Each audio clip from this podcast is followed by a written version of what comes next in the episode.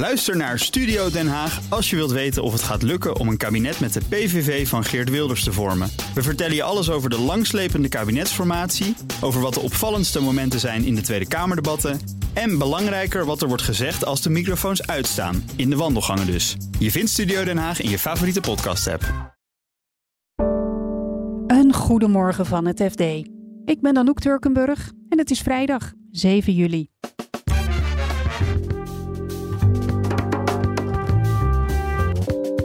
Makelaars zien huizenprijzen stijgen, maar of de tip nu echt voorbij is? Ze hadden het uh, wel over een, uh, een, nieuw omslagpunt. Maar of dat doorzet, ja, dat is natuurlijk nog volledig de vraag. Om crypto's te beschermen worden ze de ruimte ingeschoten. In de cryptowereld is er zeg maar het principe van ik vertrouw alleen mezelf. En Brussel wil dat we karton opnieuw gaan gebruiken. En ik weet niet of jij wel eens een wasmachine thuis hebt gekregen in een kartonnen verpakking. Ik ben er nog nooit in geslaagd om die uh, heel uh, van de wasmachine af te krijgen. Dit is de dagkoers van het FD. Na drie kwartalen van dalingen zijn de huizenprijzen weer gestegen. Maar het is de vraag of het dieptepunt op de woningmarkt echt voorbij is. Je hoort Erik van Rijn, woningmarktredacteur. Hij weet hoe hard de huizenprijs stijgt. Nou, met uh, 2,8 procent op uh, kwartaalbasis. Dus dat betekent dat in uh, de periode tussen april en juni de prijzen 2,8 procent hoger waren dan in de eerste maanden van dit jaar. Mm -hmm. En gemiddelde koopwoning kost nu 410.000 euro. Dat was 3,95. En dus een kleine stijging na een periode waarin de huizenprijzen toch nog best wel hard zijn gedaald. Hè? En op jaarbasis dalen ze ook uh, nog steeds.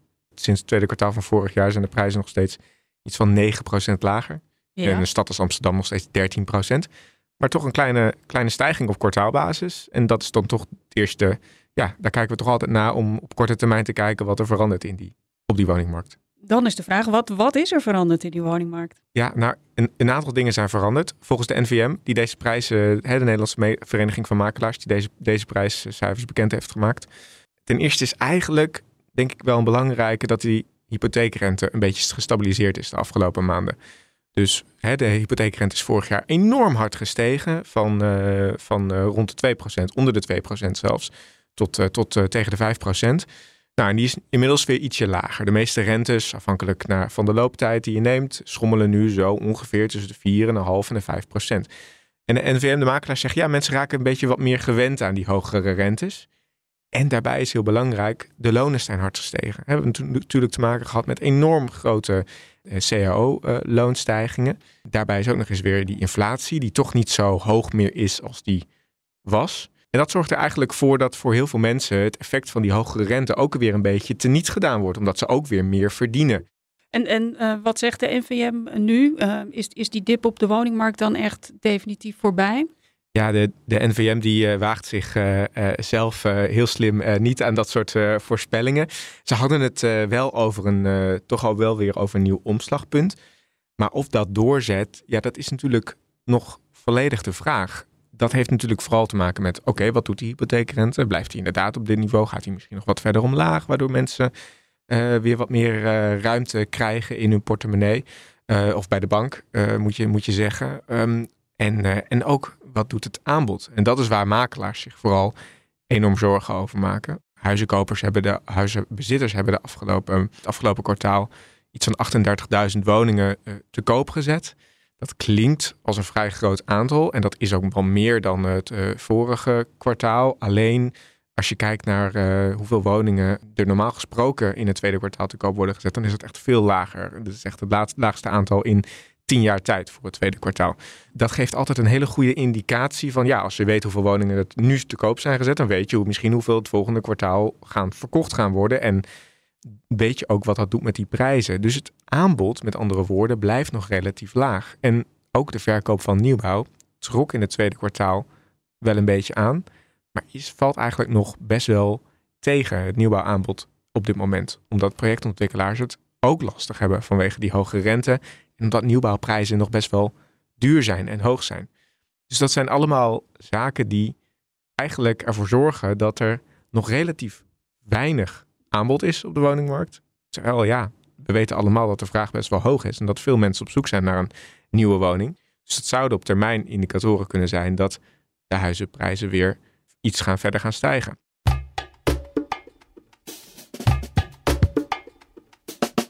De cryptowereld barst van de gevaren. Hackers, oplichters, omvallende beurzen. Hoe bewaar je je crypto's dan het veiligst? Ja, in het heelal natuurlijk. Crypto-redacteur Pim Brasser vertelt eerst hoe je de munten op aarde kunt bewaren.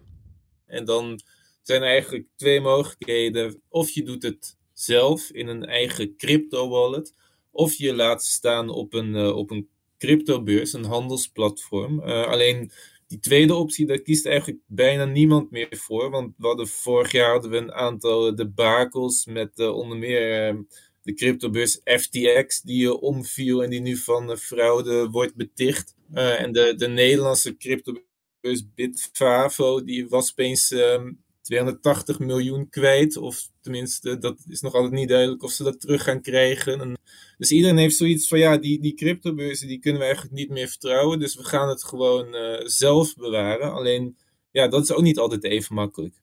Want je zegt, um, dan heb je dus de mogelijkheid om een fysiek ergens te bewaren. Hè? Hoe werkt dat? Ja, die, die crypto wallets, dat um, zijn speciale apparaatjes. En die kunnen wel eruit zien als een USB-stick of als een bankpas. Maar het zijn wel speciale apparaatjes die daarvoor zijn, uh, zijn bedoeld. Ja, daar staan je crypto's dan op. Maar het grote probleem is, dat werkt op zich heel goed, zo'n crypto-wallet met, met een pincode. Maar um, in de crypto-wereld is er zeg maar het principe van, ik vertrouw alleen mezelf. En dat is op zich dus heel mooi, van ik ga nu echt zelf mijn crypto's uh, bewaren. Maar Stel dus, uh, je vergeet je pincode, of je raakt je crypto wallet kwijt, of hij gaat verloren bij een brand of een overstroming, ik noem maar wat. Dan ben je dus gewoon al je crypto's kwijt. Want er, er is geen bank of een andere instantie uh, die je kan bellen. Je moet het helemaal zelf doen. En dat maakt het dus uh, ook best wel riskant. En, en gebeurt dat wel eens? Raken mensen die, die wallets dan ook kwijt? Ja, absoluut. Dat, dat gebeurt helaas heel vaak. Dus er zijn nu, zeg ik uit mijn hoofd, iets meer dan 19 miljoen uh, bitcoins. En daarvan zijn er uh, iets van 4 miljoen zijn kwijt. Ja, dat, gaat heel erg vaak fout. En je hebt dus die, die crypto wallets, die apparaatjes. Maar dan stel je voor dat er iets gebeurt, dat dat ding kapot gaat of zo. Dan, dan heb je een herstelzin of, of een seed phrase, heet dat dan in, uh, in vaktermen. En dat is een zin van 8 tot 24 willekeurige woorden. En daarmee kun je dan je crypto's terughalen. Dat kan dan op elk apparaatje wat je maar wil. Uh, dus, dus dat is zeg maar uh, de, de achtervang. Alleen het probleem is dan van ja, ga je die woorden bewaren? Want je kunt niet al die woorden gaan onthouden. Je kunt ook nog kan ook nog altijd gebeuren dat iemand overlijdt of zo. Dan ontstaat er weer een nieuw probleem. En sommige mensen die schrijven dan op een papiertje of zo. En die leggen ze dan ergens in een la. Maar goed, dan. Klinkt ook niet veilig. In, of, of je slaat het op op je computer, maar dan heb je weer het probleem van hackers. Ja, het gaat soms om miljoenen bij, bij grote cryptohandelaren. Dus dat is, dat is een, enorm, uh, ja, een enorm gedoe eigenlijk. En, en ja, wat moet je dan? Waar moet je ze dan bewaren, die crypto's? Ja, ja dat, is, dat is een goede vraag. Dus er zijn wel een paar, een soort van oplossingen die het misschien in ieder geval iets beter maken. Je hebt het, uh, het Amsterdamse bedrijf CryptoTerk. En die verkoopt titaniumplaten waar je dan uh, je herstelzin uh, in kan slaan.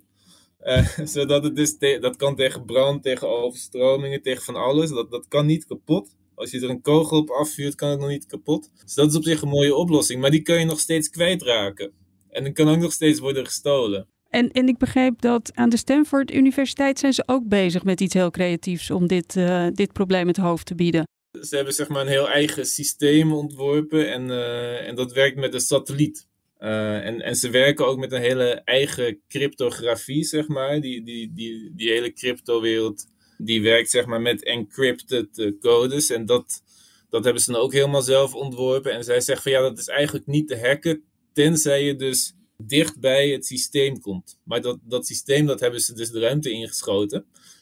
Dus, dus, dus hun claim is van ja, dit is het allerbeste uh, wat je kan krijgen. Dus de enige mogelijkheid waarop dit te hacken is, is als de hackers uh, ongezien een ruimteraket weten te krijgen en dan uh, zichzelf naar die satelliet weten te lanceren eigenlijk. De kartonindustrie maakt zich zorgen. Er lijken Europese regels aan te komen voor het opnieuw gebruiken van kartonnen verpakkingen. MKB-redacteur Frits Konijn legt uit waarom de sector de nieuwe regels vreest. De Europese Commissie wil dat er minder afval uh, komt, in ieder geval minder afval dat weggegooid wordt.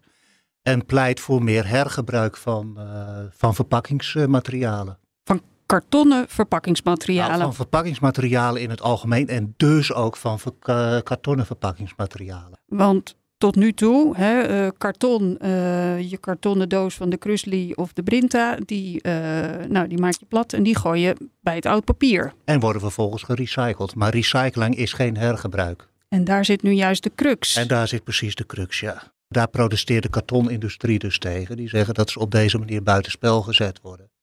Want nou, aan de ene kant, kartonnen verpakkingen van voedsel worden snel vies. Dus ja, die kun je niet een tweede keer gebruiken.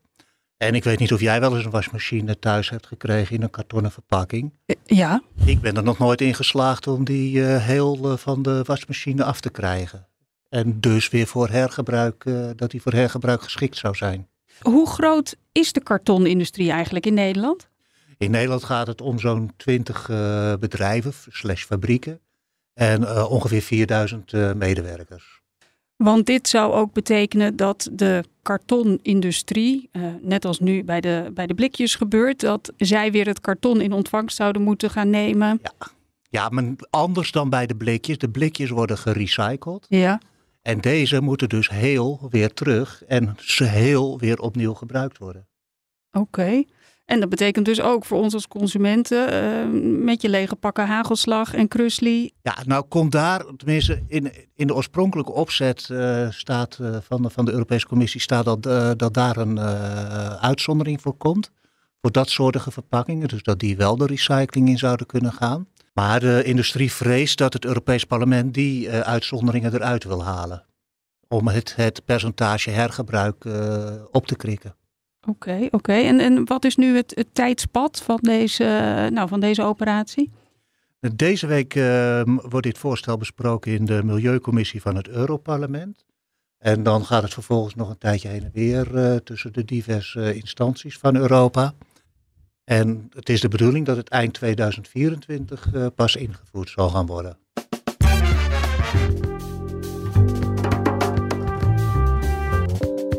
Dit was de dagkoers van het FD.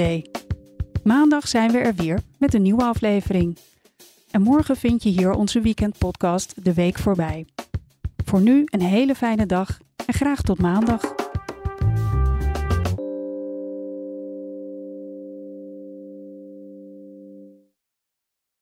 Ook Harm Edens vind je in de BNR-app. Je kunt BNR Duurzaam niet alleen live luisteren in de app, maar ook terugluisteren als podcast, zoals al onze podcasts. En naast dat de BNR-app Breaking News meldt, houden we je ook op de hoogte van het laatste zakelijke nieuws. Download nu de gratis BNR-app en blijf scherp.